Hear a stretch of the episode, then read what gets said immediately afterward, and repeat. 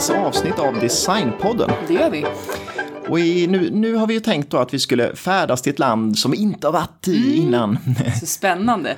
Nej, eller jo det är det väl, men det är alltså Finland. Finland, ja. Eh, Och där, vi tänkte köra två avsnitt faktiskt med, med finska formgivare. Mm. Och den här veckan så blir det då kanske det namnet som flest har hört talas om ändå. Alto. Precis. Det- du mitt uttal? Mm, ja, snyggt. Awesome. Vi ska inte hålla på med... Eh, Finska, eh, det, här, det kommer ju bli, det är ju en liten varning vi måste ge nu till det här avsnittet. Och det är ju det här med finska städer, finska namn. Oh. Det är inte lätt. Är vi inte alltid dåliga på att uttala? Och, men finnarna, de, har ju, de pratar inte som vi. Det är det som är grejen med Ja. Mm. olika språk va? Nej, men, men vi gör vårt bästa i alla fall. Ja. Eh, och ibland så är det ju lite försvenskade eh, namn naturligtvis på, på städer och så. Eh, och det här avsnittet kommer handla om, om Alvar och Aino Alto. Det är svårt att säga Aino Alto, eller det är liksom det... Mm. Ja. Men ja, tyvärr mest om Alvar. Just för att jag hittade mest info. Mm, och det är väl det där typexemplet igen där, Mm. där han har fått äran för väldigt mycket saker som båda två har ritat. Lite som med Strinnings. Ja, eh, så att eh, låt oss liksom, vi, vi tänker oss att det handlar om båda, Mm. men sen så blir det ändå ofrivilligt lite ett fokus på Mm. Alvar. Helt sant. Men jag tycker att vi, vi kastar oss in i avsnittet. Eh, Vi som pratar heter som varje jäkla vecka Sanna och Andreas och ni lyssnar på Designpodden.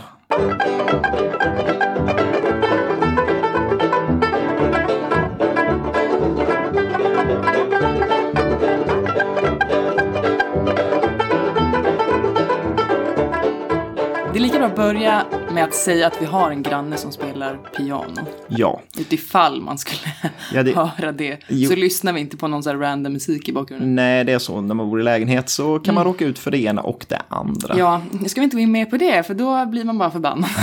så men vi, vi. lämnar det så. Till Alvar. Mm. Jag tänkte ta en liten snabb sammanfattning bara, så man får liksom direkt en bild av vad det här är för snubbe. Och han, genom hela sitt liv då, inspirerades han av eh, organiska former och naturen. Det är Mm. ju väldigt mycket natur i Finland. Jo, det, liksom hela den finska formgivningen är ju verkligen så här naturinspirerad och, och så. Mm. Precis, och han, han är ju inte... Han sticker inte ut där så att säga. Nej, Men han var ju dock en av de mest infly- inflytelserika modernisterna i Norden under den där tiden. Mm. Och alla hans möbler och skulpturer skapades alltid i och med arkitekturen. Mm. Inte bara liksom ur något kommersiellt syfte. Nej, utan var till en inredning eller till en byggnad eller så. Precis, och det jag tyckte var lite kul var att han tydligen avskydde funktionalismen. Mm. Och det är lite intressant för att han är modernist och Mm. samtida med, med funkisen Ja. och det här som vi har pratat om med Stockholmsutställningen och de här personerna.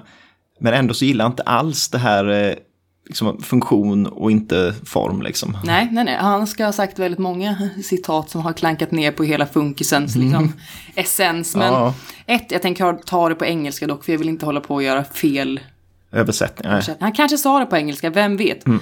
Men om funkis. It makes no sense to develop new forms when there's no new content. Och det är ju på något sätt, man håller ju på något sätt med. Mm. Men ändå blir det lite tråkigt och stelt och bara, Ja, det, det är ingen mening. men det säger väl lite om hans syn på Precis, det var därför jag tyckte det var bra att ha med. Ja, men absolut. Men nu kör vi om the person. Ja, Han föddes då den 3 februari 1898 i sydvästra Finland. Så där har jag gjort en fuling bara för att slippa säga var han föddes. För att det är lite skitsamma. Ja, det är inget bra att Det säga. var liksom ett litet samhälle med massa skog runt. Mm. Hans pappa var lantmätare och var väldigt social. Och klädde sig alltid så felfritt och var, okej, men så här prydlig. mm, verkligen. Och det, det tog Alvar efter sen när han blir äldre. Okej, så han var också så här prydligt och eh, Mm. Liksom, korrekt, korrekt klädd. Från sin mamma ska han i alla, fått, i alla fall fått sitt heta temperament och sin kreativitet. Och hans morfar var skogsvaktare Aha. och då fick han ju då höra att, att skogen det är liksom... It's, det är allt. Det är livsnerven kanske ja, sådär. verkligen. Skogen klarar sig utan människan, men människan klarar sig inte utan skogen, har han sagt. Mm, och det är jävligt sant dessutom. Mm. Ja, det håller man väl helt med om. Alvar hade tre syskon och Mm. hela familjen var sådär naturälskare och Ja, och det, ja det, det är ju naturligt att det var så. Aha, för att, naturligt. Ja, men, men på något sätt, för man, han tar ju verkligen upp eh, Mm. det här i, liksom, i allt som, som kommer sen. Liksom. Oh, ja. När han var fem år så Mm. flyttade de till Jyväskylä. Skitsamma, det är jobbigt att säga, men det ligger i alla fall i mer centrala Finland. Ja, Och där öppnades den första finsktalande skolan. jaha, för att det var sven... Ja, Precis. Och då flyttade de dit i princip för skolans skull. att kunna gå där. För de var, de var väldigt nationalistiska och ville att ungarna skulle gå i finsk skola. Mm, lära sig finska liksom och så. Mm. Och Alvar var väldigt kreativ från tidig ålder. Han målade porträtt av hela sin familj, läste högt ur böcker så här teatraliskt och var med i en amatörteatergrupp. Han med. Liksom. Mm. Under hans första år i skolan ritade han en skiss av ett snöslott på fyra våningar. Vilket ju också är ganska kaxigt. Ja, jo. Liksom själv tänkte man ju typ bara, man gjorde någon sån här liten iglo bara. Man Ja, typ var glad om inte den föll ihop. Ja, ja, ja, ja. Men när han var åtta så dog hans mamma plötsligt. Oj, ja. Och hans äldsta syster tog över rollen lite grann. Och som eh, ledare. Alltså, ledare. Matriarken i familjen där. jo, precis. 1916 tog han examen, 18 år gammal. Mm. Och den sommaren fick han praktisera hos en arkitekt. Men han var tydligen inte så uppmuntrande. Han var lite så här, han klankade ner och hävdade att han aldrig kunde bli arkitekt och så vidare. Aha. Så att han, han slutade med det. Ja, det var inte så trevligt. Nej. Och han började istället studera på Helsingfors tekniska universitet. Mm. Och han kom bli väldigt populär där bland lärare och classmates. Mm, man hade Man något kanske där. var lite av en snygging också. Ja, Vem jo. vet? Som att det bara handlar om utseendet. Nej, det gör det inte. Nej, Men 1918 så händer ju då krig. just det. Första i den här storyn. Finska inbördeskriget. Mm. Så studierna stannar upp. Jo, det är klart. Och det här var ju faktiskt väldigt kul Mm. och intressant. För att han blev faktiskt vid ett tillfälle fängslad i två veckor. För Aha. att han misstänktes tillhöra en så här högerrörelse som heter jägarrörelsen. Mm. Det tyckte jag var spännande. Så han satt inne då, men sen Två veckor, det är hade- lång tid. ja, hade han inget med det att göra. Men, nej, det hade han inte faktiskt, men Nej. eh, så var det. Mm. Och Alvars första arkitektjobb då sen efteråt Mm. var att rita planer inför en renovering av hans pappas hus. Mm. Så 1921 var han klar med sina studier. Och då jobbade han som frilansare. Ja, då var det bra att kunna göra något. det. konstkritiker. Jaha. Lite... Ja, det är ju lite random. Och, och... Ja, alltså går det ens typ att jobba som? Det är ju typ en person som kan göra det. Ja. Sagt men direkt från skolan också ska man börja säga fråga. Ja. Men det här frilansandet då, det, det gick inte jättebra. Han fick liksom inga jobb och... Han fick göra då, vad var det papp? Ja, pappans hus, men det, det är, alltså även fast det är såklart räknas så är det ju uppenbarligen Han fick, ja, han fick det ju för att det var han liksom. obviously. Ja. Så han reser istället tillbaks till den här hemorten. jag inte-. Ja, men titta. Bra. För Helsingfors, där, nej, det gick inte bra där helt Nej. enkelt. Så väl hemma så startade han ett arkitektkontor i stadens hotells källare. Ja.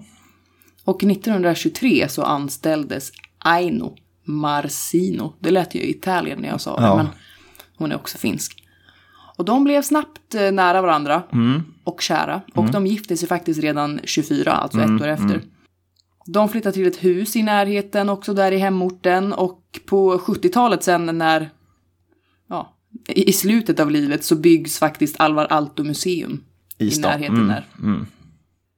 Nej men det var ju i, i Jyväskylä som det sätter igång mer eh, liksom Mm. på riktigt. Och samma år då som de gifte sig eh, så då får eh, Altos, den här byrån då som man har startat, eh, sitt första uppdrag att göra ett, liksom en offentlig byggnad om man säger. Ja, Och det som skulle göras det var då Folkets hus i Jyväskylä. nu har du sagt det Ja. tre gånger på jättekort tid. Eh, och det här huset är lite kul för att det, det skiljer sig tycker jag ganska mycket från mycket av det andra han gjorde. För att eh, liksom, hans stora inspirationskälla under liksom, tidiga åren det var medelhavsländerna och främst Italien. Han gillade Venedig och Florens och de här renässansarkitekterna. Helt rätt. Eh, Så att eh, det här huset som ritas det är eh, liksom en klassisk, ganska kantig byggnad.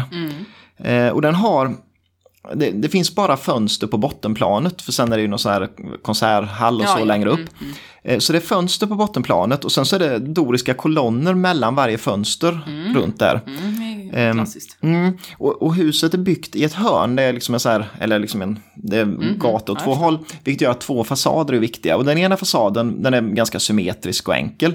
Men på den andra fasaden finns det en sån här cer- ceremoniell balkong, som, Mhm. som den påminner lite om, man kan tänka sig så här, ehm, liksom eh, Romeo och Julia-balkongen. Jag tänkte liksom. Ja, faktiskt helt ärligt säga det. Fy fan vad läskigt.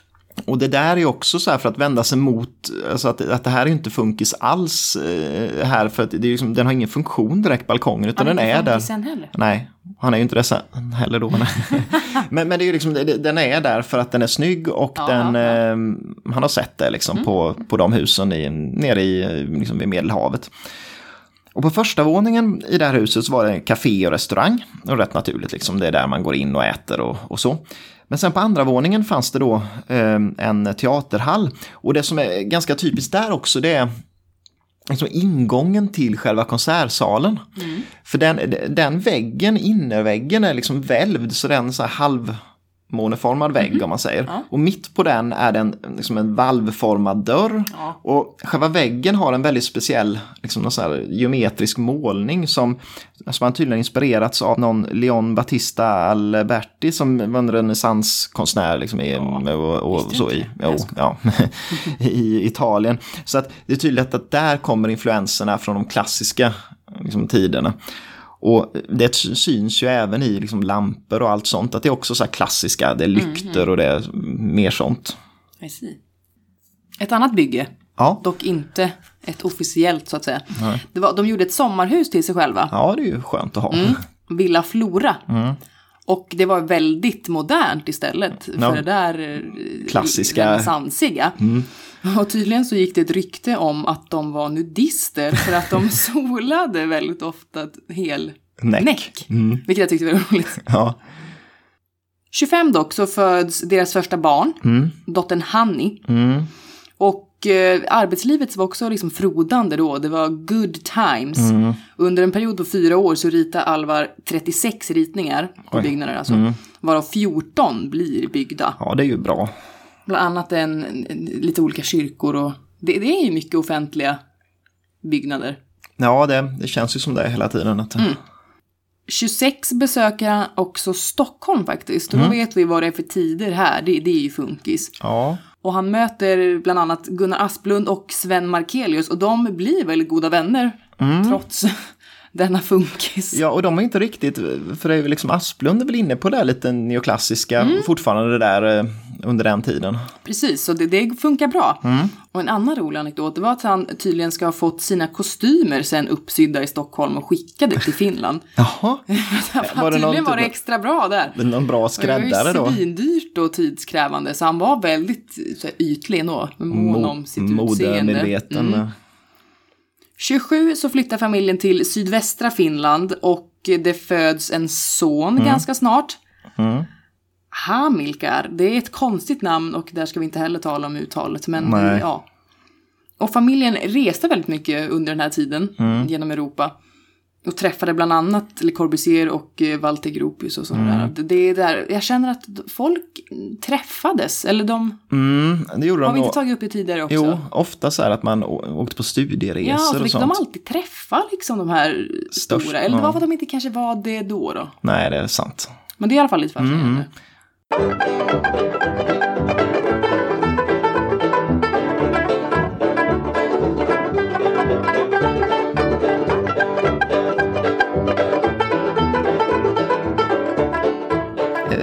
Stort projekt som, eh, som Altos, den där arkitektbyrån, fick Mm. göra och som blev lite så här genombrottet internationellt för, för honom som arkitekt då. Ja, Det var tuberkulossanatoriet i Paimio.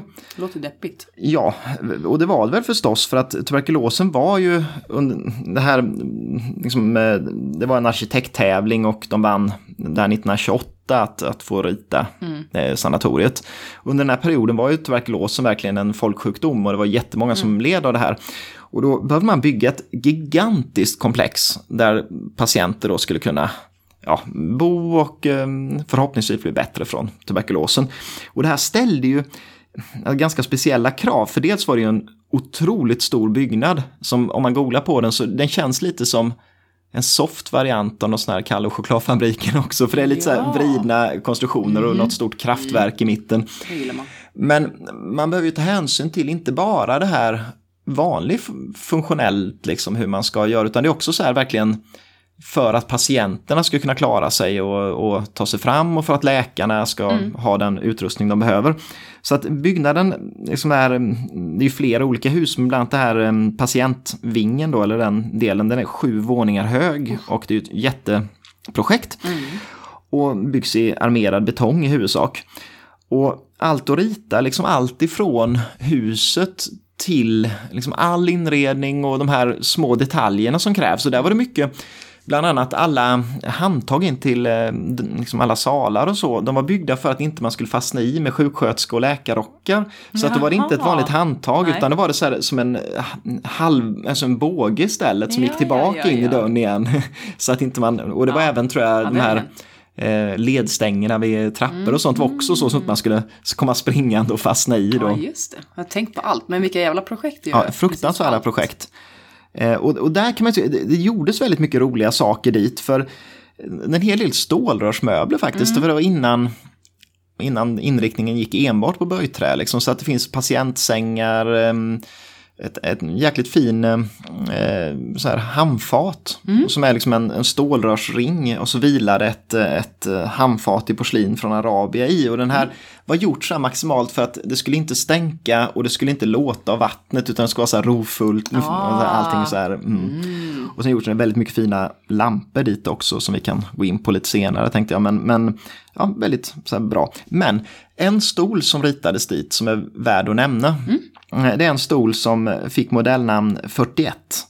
Och den är ju en storsäljare än idag och då kallas den Paimio.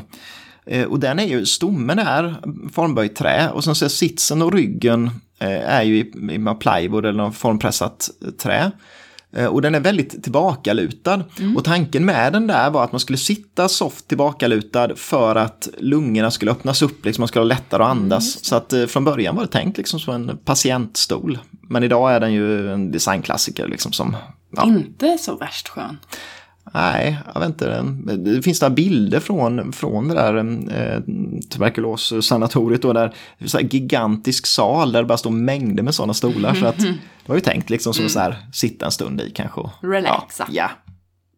Men det här sanatoriet, det var ju kvar länge. Men sen så på 60-talet så hade ju inte tuberkulosen så stor betydelse längre då. Va? Man hade kommit, liksom, lyckats få bukt med den. Men byggnaden fanns ju så då beslutade man att man skulle bygga om det till ett vanligt sjukhus istället. Och det gör man. Och i praktiken då så är man ju tvungen att blåsa ut mycket av inredningen för det passar ju inte längre för de ändamålen. Så att byggnaden finns kvar idag men till stor del förändrad. Och ganska snart efter det här projektet, och de bara följer ju i tät Ja. liksom, mängder med projekt. Men en, en sak jag tänkte var kul att nämna, bara just för att inredningen är liksom, Mm, ja, några klassiska grejer görs dit. Det är biblioteket i Viborg. Och Viborg på den tiden tillhörde ju Finland, men numera är det en del av Ryssland, så att det är de här områdena som Finland har förlorat genom krigen. Men det, det, det var ytterligare en tävling, liksom en arkitekttävling, man skulle rita bidrag. Eh, och mm, Altos byrå, de tog fram ett förslag som hette WWW. Och jag vet inte vad det betydde. Nej. Men det var enkel-V, så det var inte World Wide Web. I see, I see. Men, eh, och, och det här hade betydelse att när jag träffat Asplund och så, då, för han sett eh, stadsbiblioteket i Stockholm, där, då, eh, han tänkte att jag ska också rita någon sån här neoklassisk eh, byggnad då, till mitt bibliotek. Så att förslaget är väldigt så här, klassiskt, men innan det blir klart sen, ritningarna och så, så försvinner de här klassiska elementen. Så att eh, den klara byggnaden är egentligen ganska liksom, ja, lite mer avskalad och enkel. Modern. Ja, men den byggdes 1934 och var klar 35. Så att em, då ett projekt som blir färdigt faktiskt. Och det här består av två, man kan säga att det är liksom två eh, rektangulära block som sitter ihop på mitten. Och det är också ganska ty typiskt allt egentligen, men tanken var att det skulle vara liksom den e det ena blocket, det var biblioteket och det andra blocket, det var en hörsal eller ett auditorium då. Sånt. Då ska man förstå liksom vad var det ena och vad var det andra. Ja, det märker man. Ja. Och något som kan vara värt att nämna där till exempel är att det finns en stor glasvägg som visar en trappa upp till andra våningen. Och den här trappan tyckte, tyckte Alto det var den vackraste trappa som någonsin har ritats. Och det han var, själv? Nej, det var Aino Alto Jaha. som har ritat den. Men han liksom gjorde en glasvägg för att man utifrån skulle Ja. kunna se trappan och hur vacker den Ja, var. det och det är en väldigt trevlig, liksom en snygg detalj. Det där. trappa en trappa Ja, en trappa, en trappa, men det blir en snygg detalj eh, Nej, i jag måste huset. nästan genast Mm. kolla upp det faktiskt. Och det man kan säga här är väl att här börjar det komma in de här klassiska alto-detaljerna som man verkligen tänker alto. I auditoriet, taket är liksom en flytande våg i eh, träribbor. Och det är ju den som återkommer så många gånger i de olika projekten, bland annat i den här skärmväggen som är många nu har sett. Den ser nästan ut som en sån skärmvägg fast som täcker hela taket. så att absolut. det är jäkligt häftig. Och så är det ju flera möbler här som är klassiker. Eh, stol 69 bland annat, som fortfarande finns i produktion. Eh, den klassiska altostolen om man säger, va? Liksom, ganska rund sits och sen formböjda ben ner. Och även pall 60 och det är ju den pallen som är förmodligen mest producerad av hans grejer. Liksom rund sits och tre ben. Japp. Finns också i fyrbent variant, liksom, men den togs fram till de här miljöerna där och eh, hörsalen. För det är så skönt att sitta på pall. Ja, precis. För korta föreläsningar. Ja, men och här har ju liksom, eh, har det ju tagits fram väldigt mycket möbler eh, till olika Här? projekt. Ja, men de här projekten vi har pratat Ja, ja, om. ja. Liksom, och, och, och då, eh, liksom, då, kände väl Alvar och Aino att ja, men vi måste på något sätt samla ihop det här och ha något företag som presenterar möblerna och, och marknadsför dem. Och det är det här som är liksom grunden till Artec Yes. som än finns kvar liksom, och som säljer och tillverkar Altos eh, grejer. Och det här tog egentligen sin start lite redan 1928 när, när de träffar snickarmästare Otto Korhonen. För det är han som lär dem allt om just liksom, trä. Hur funkar trä? Vad kan man göra med trä? Vad kan man inte göra? Liksom, och vad är det lämpligt att ha till? Och eh, liksom, man hade ju först sett som vi varit inne på också, det här med Bauhaus-möblerna, men då var det ju stålrör som gällde. Och då kände nog, och det var väl säkert det här med, med skogen också, liksom skogen är så viktig och då, ja men kan vi inte göra det här i böjträ istället? Eh, Så att eh, det gör man och eh, 1935 så grundas Artec för att marknadsföra och sälja Altos möbler. Man, man startar också en, en, liksom en, en, vad ska man säga, ett dotterbolag i eh, Storbritannien som hette Finmar. Då, som skulle, Fin. ja, som skulle, de sålde samma saker helt enkelt, Ja. fast på en internationell marknad. Och eh, Artec eh, grundades då av eh, Alvaro Aino Alto, Marie Gullichsen och Nils Gustav Hall. Ja. Ehm, men det var egentligen Aino Alto som blir den viktigaste personen i företaget. Hon är konstnärlig ledare i början, mellan 35 och 40. Och sen från 40 till 49 är hon eh, vd för företaget. Så att hon blir ju väldigt viktig för Aztec. Men om man nu har allting på liksom bra köl, man har ett bra företag som eh, producerar möblerna och man har en arkitektbyrå som går jäkligt bra, då vill man ha ett hus också. Det är klart. Ja, Det vill alla. ja, och alla får ju ett hus känns det som också. Ja, verkligen. Vad ska jag få? Så att eh, det grundades väl egentligen i att, att man fick i uppdrag då eh, att rita ett nytt område i Helsingfors. Som hette Munkiniemi tydligen. Och det, det här var inte en stadsdel egentligen utan det var utkanten så var det som landsbygd men det skulle bebyggas. Och de får i uppdrag att liksom, göra rit, planritningen för det här Ja, området. Men det blir inte av. Nähä. För det fanns väl inga pengar så att det var väl Nej. bara förhastat. Ja, ja. Men då i samband med planeringen av det här då, om de var, åkte runt, då hittade de en tomt som de tänkte att det här är ju, här vill vi ha vårt hus. Eh, så att eh, de ritade ett hus eh, 1935 och eh, redan året efter 36 så är det klart. Jaha, oj jävlar vad snabbt. Och tanken är att det här ska bli då liksom en kombinerad studio för företaget och eh, en, eh, en bostad då. Det låter väldigt Eames. Ja, väldigt mycket så. Och det här är ju verkligen rena landsbygden, så det är typ så här kohagar och sådär. Och så Ja. fanns det en, eh, någon jäkla, det var något eh, pendeltåg som gick in till Helsingfors med jämna mellanrum. Det Liksom. låter väl fan som idyllen. Mm. Och här återkommer det här med att det skulle se lite olika ut så man skulle fatta vad som är studion och vad som är bostadsdelen. Ifall man glömmer bort. Ja, exakt. Och då är ju då studiodelen i vitslammat tegel, så det är som en vitt tegelbyggnad. Medan bostaden var, så här, var klädd i mörka träribber som gick eh, vertikalt. ja. Och det, de återkommer ju också sen väldigt ofta senare i de projekten som, som Alto gör. Eh, huset hade platt tak och takterrass. Det känns ju ganska funkis. Kan man ha platt tak i Finland när det snöar? Mm, tydligen, man får nog kanske Skotta. skotta i hela tiden. Eh, Men, men om man tänker på huset så är det väldigt mycket, det är så här växter som slingrar sig upp på Åh, väggarna. mm. Och sen naturliga stenformationer som redan fanns på tomten som liksom får fortsätta och liksom leda ända in till huset. Så att Mm. på något sätt den flyter ju in i Natur. naturen på ett bra sätt. Liksom. Och annars bestod det mycket av liksom, öppna planlösningar, stora fönster så att naturen utifrån liksom, togs in i, i huset. Och studiodelen, den var på liksom, två våningar hög utan tak, den var så jättehög. Utan ta- Jaha, ja. liksom, ja. Eh, Och så var det någon form av liksom etagedel som man kunde se ner på den. Och sen stora fönster ut som man kunde inspireras av Yeah. naturen utanför. Och det som på något sätt skiljer då, det är ju det som gör att det inte är funkis. Liksom. Det är ju verkligen det här att eh, det, han har tänkt mycket, inspirerats av liksom, hur såg de gamla lantgårdarna ut och hur får jag in naturen i det här och även tänkt mycket på naturmaterial, trä, koppar och tegel och varje detalj skulle vara som en skulptur, liksom. handtagen skulle vara skulpturala och mm, alltså det är väldigt trevligt så jag tycker man ska googla på det här huset som, som de ritade för det är Oh ja. riktigt fint.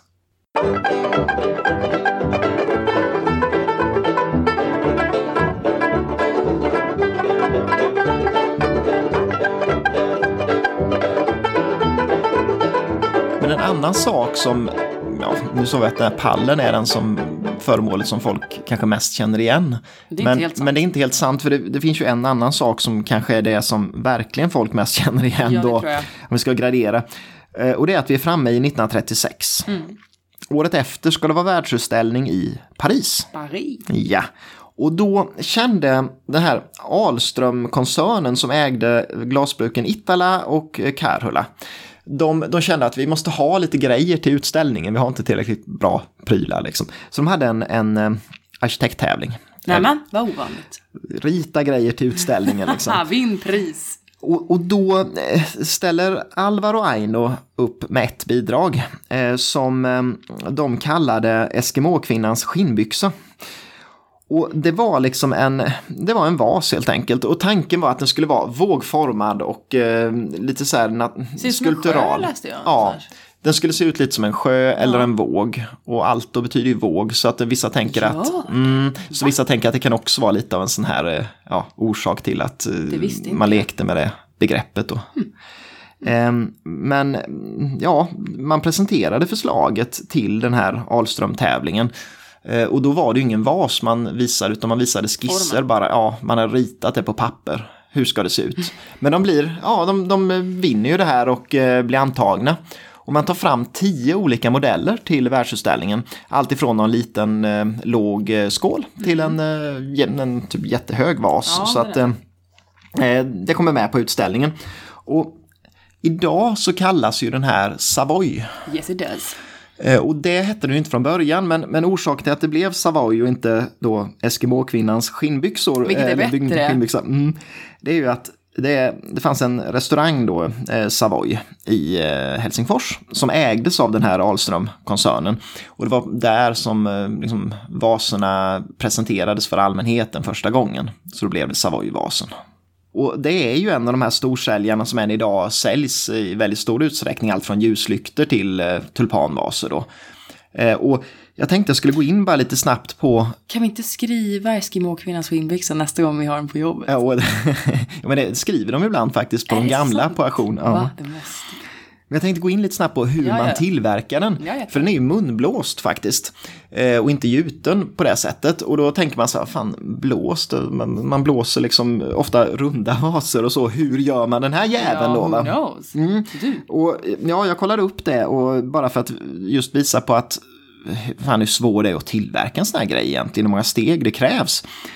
Och man börjar ju då med att man ska smälta glasmassan som vi var inne på då i avsnittet om Orrefors, det var ju mycket mm. sand och sådär i den. Men man får smälta den i 10-12 timmar i 1400 grader så att det blir en, en bra glasmassa.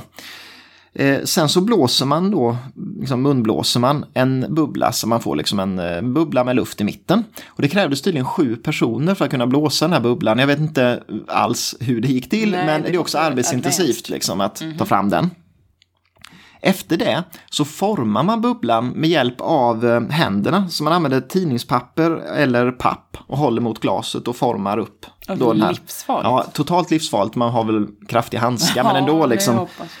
Um, och sen är det då dags för då det här för att få formen på den. Ja.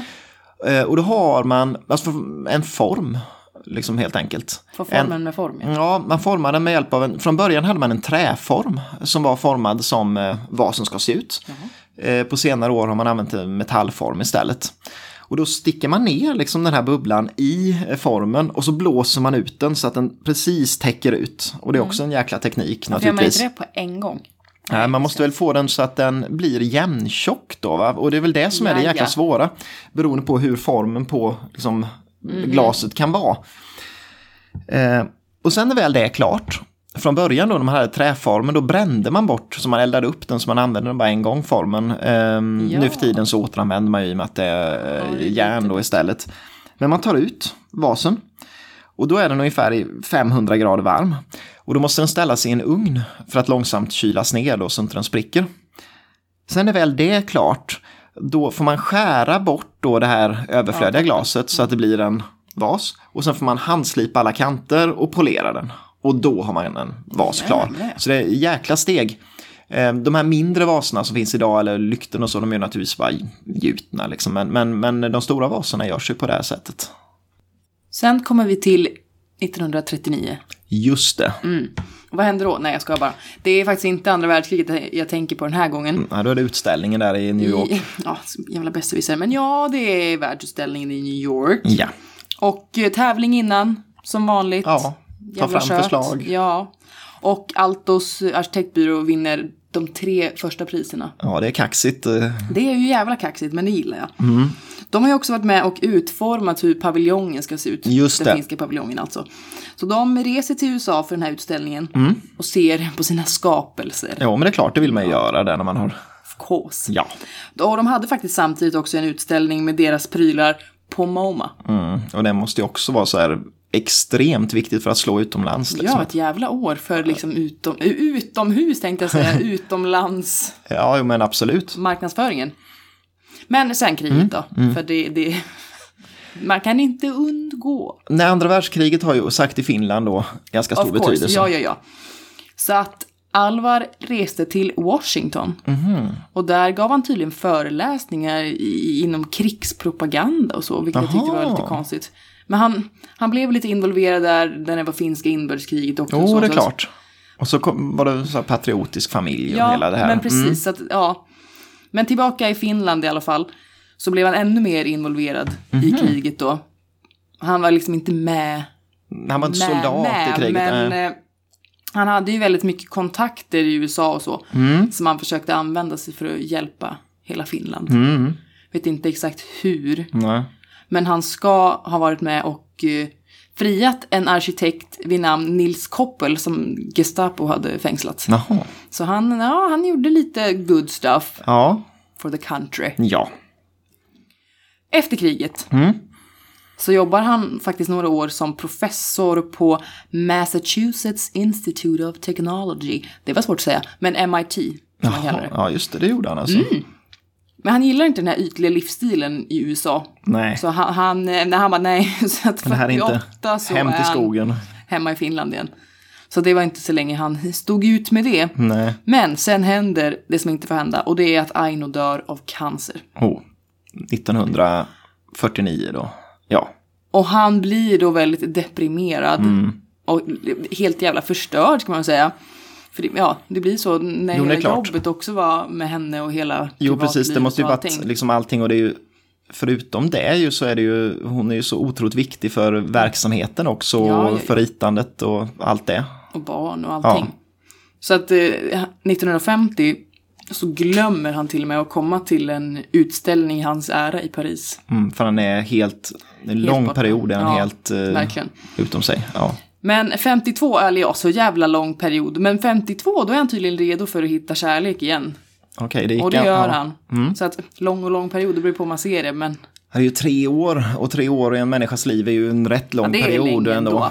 Men den nya kärleken, Elissa Mäkiniemi, Mm. jobbade också på arkitektkontoret. Aha. Gifte sig också snabbt med varann. Mm. Tänker inte gå in mer på det. Nej. För det är Aino som är huvudkvinnan i den här Ja. storyn. Mm. Men 1955 så blev han faktiskt medlem i Finska akademin, vilket ju är ganska stort. Mm. Ja, det är klart. Och sen från 63 till 68 så var han president i akademin. Oh, så att, eh, jo, Så det- och det är ju liksom, jo, han, blev ju liksom, det är därför man måste se honom kanske som Finlands allra största Mm. namn ändå. Men exakt. Och alltså under de här åren så gick Artec och arkitektkontoret väldigt bra och det gjordes väldigt många kulturella byggnader, bostadshus, kyrkor med mera.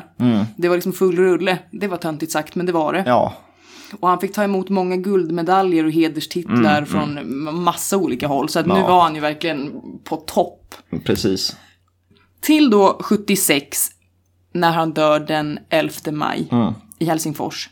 Och han begravs bredvid Aino. Mm. Sen begravs den där Elissa på, på andra sidan. Okej, när så att det dör. blev, ja, Men vi ska inte gå in mer på det. nej. Så där tar det slut. Ja, men han jobbar ju liksom in i det sista. Ritar ju den här Finlandia-hallen som ju är en konserthall. Mm. Eh, som väl inte stod klar förrän typ samma år som han dog tror jag. Så att han verkligen jobbar in i kaklet. Verkligen. Och det är också något som jag tycker är ganska typiskt med många av de här namnen. Att de, de jobbar det. verkligen Ja. tills de dör verkligen. Det är mer en passion än ett ja, arbete. livsstil och inte bara ett jobb. Liksom. Alltså det här med hus, alltså det... Kan inte vi rita ett hus? Ja, det är hus. Det gör man. Ja. Jag vill också. Mamma har ritat eh, Just ett hus. Ja. det, vi frågar henne. Ja.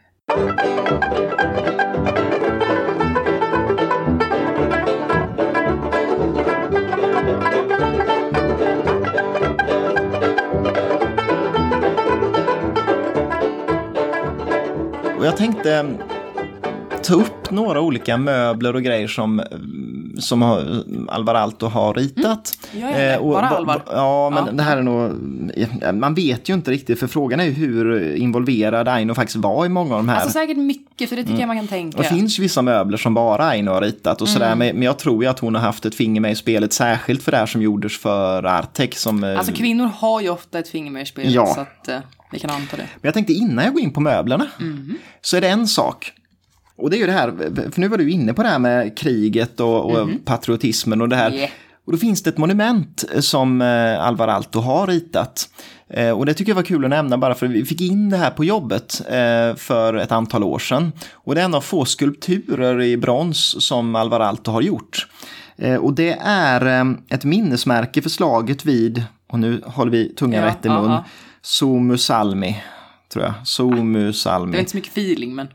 Suomusalmi.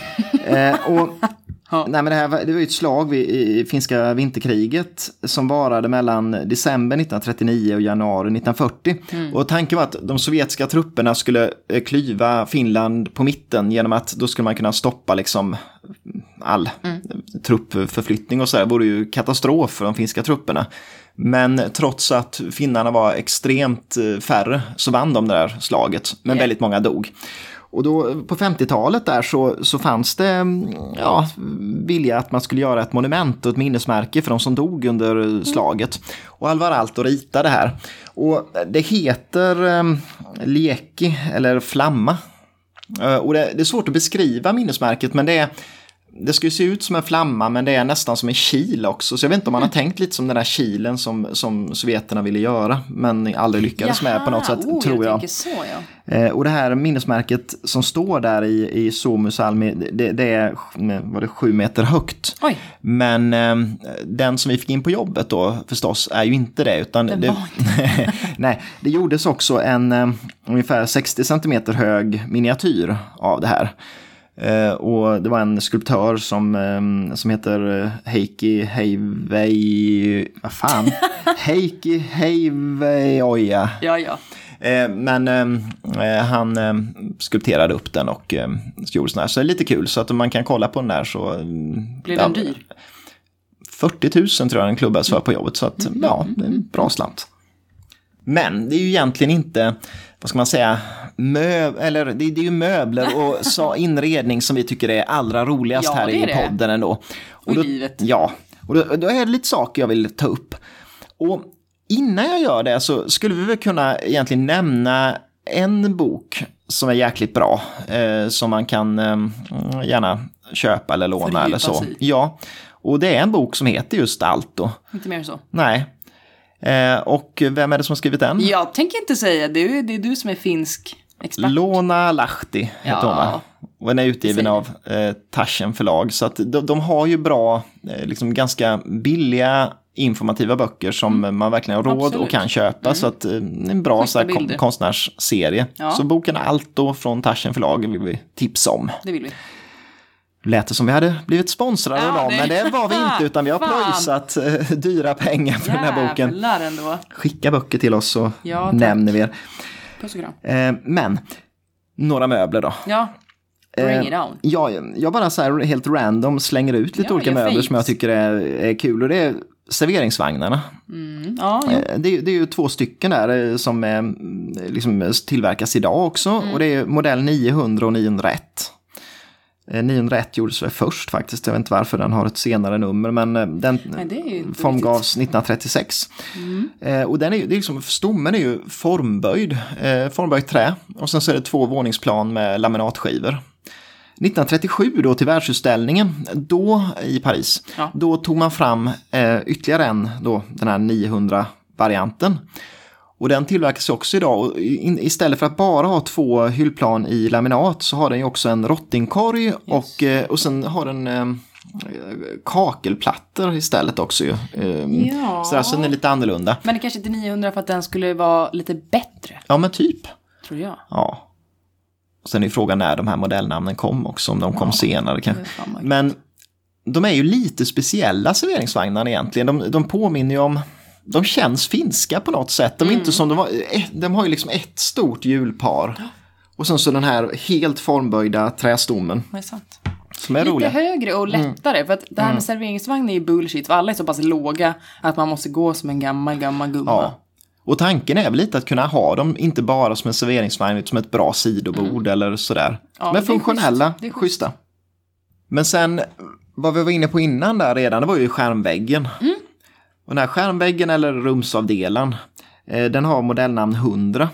Eh, och den har nog kanske många sett också. Och den påminner mycket om det här taket i auditoriet där på biblioteket. Och, eh, den består ju av björkribbor Mm. som sitter ihop. Och har man den ihopfälld då kan man ha den som en enda stor rulle helt Ja. enkelt. Och sen kan man rulla ut den och då blir den vågformad. Men den är ju föränderlig också, för man kan ju böja den hur man vill och göra lite hur man vill med den. Så att en kul... Den är ja, dock inte jättestabil. nej, det, man måste ha den rätt svängd för att den ska Mm. stå stadigt. Verkligen. Men eh, kul, kul grej och li- lite roligare än mycket av de här liksom, kontorsrumsavdelarna som finns annars, Ja. liksom, som är så Oh, ja. vansinnigt tråkiga. Så att, mm, kul form och vågform passar liksom in i formspråket väldigt bra. Men sen tycker jag vi, vi måste nämna då de olika lamporna Mm. som gjordes. Och Altos olika lampor, de är ju väldigt, eh, liksom, jag tycker de är jätteroliga och passar in i väldigt många Jo. olika miljöer. Och man kan nämna till exempel då de här A, A805, 809, 810 som är golvlampor. Och då är det ju liksom en vanlig rak fot, eh, rakt upp liksom med läderklädd pelare och så är det mässing liksom så. Men sen är skärmarna i lameller, ofta konformade, så flera av de modellerna är ju konformade. Det finns bara både en kon och två och tre koner. Eh, roliga, ritades för eh, tydligen något projekt för en fransk konstnär som heter Louise eh, Carré. Eh, så hans vardagsrum så, så togs den fram dit. Men blev väldigt populär och kom ju i serieproduktion. Sen bör man ju nämna taklampan bikupan också. Ja. Och den ser ju ut som en bikupa. Ja, det är inte mer än så. Nej. Alltså det är ju trevligt. Men... Ja, eh, formgavs 1953 för universitetet i Jyväskylä då, så att han ritade ju universitetet där. Ja. Eh, men eh, den ser ut som en bikupa och ofta vit mm, liksom metall. Men det finns ju även i någon blå variant också. Ja, någon mässing Ja. tror jag väl, eller? Och sen så är det detaljerna i mässing eller i krom. Just Men det. väldigt trevliga, liksom så här en rolig stor taklampa som eh, naturligtvis passar bra i offentlig miljö men kan vara Och kul dyr, hemma också. ska vi gå in på. Mm, dyr också. Och sen gjorde han ju en antal olika lampor. Jag tycker en man kan nämna är den här hand grenade eller handgranaten som är lite kul för den, den ser ut som en tysk eh, sån här handgranat Jaha. från andra världskriget. Det är liksom två cylindrar där den ena är längre då och mindre. Så ser det ut som en sån man kastar liksom. eh, Typ. Ett aggressivt, passivt aggressivt. Ja, precis. Ritade den 1952. Så att, men den finns också i produktion och en storsäljare idag. Men sen en annan stol jag, jag tänker vi nämner också eh, är eh, tankstolen, eh, modell 400. Apropå det där våldsamma då. Ja. För tank eh, syftar ju då på tank, alltså Ja, jo, pansarvagn och inget annat. Eh, och, de, och den är ju jäkligt häftig. Dels, den ritades 1936 och den första stolen som ritades som inte var till ett projekt. Mhm. Utan den ritades för produktion och den eh, presenterades på... Va? eh, Jag som sa att han inte gjorde något sånt. men han började då, Oh så God. 36. Så för Milano-triennalen så togs den fram och så sattes i produktion bara. Men inte tänkt till något, eh, någon Fast då är speciell den ju ändå byggnad. liksom till Ja, triennalen. jo, men den, den var inte gjord till någon speciell byggnad om man säger. Och det som är, som alla har fattat redan nu, men vi kan ju prata om den då, det är ju att liksom armstöden fortsätter ner i en rundel ner till benen och är jäkligt breda och ska påminna om larvfötterna till en pansarvagn då. den väl och sen så är ju sitsen och ryggen väldigt så här tjocka och stoppade så att den är ju mer robust kanske än, än mycket av de andra möblerna som, som eh, han gjorde liksom tidigare. Oh, ja. Och så vill jag ändå i det här sammanhanget också slå ett slag för de här grejerna som, som ritades till Paimio-sanatoriet. Tuberkulos. Ja, Tuberkulos. Tuberko. Ja, Tuberkulos. tuberkulosmöblerna. Och det är ju mycket så här, verkligen modernism som känns nästan lite som en så fransk och tysk modernism. Liksom. Och sånt som kostar jäkligt mycket när eh. Prové och, och Charlotte Perrin och, och Eileen Gray. Och, alltså det känns som sån Mm. typ av modernism.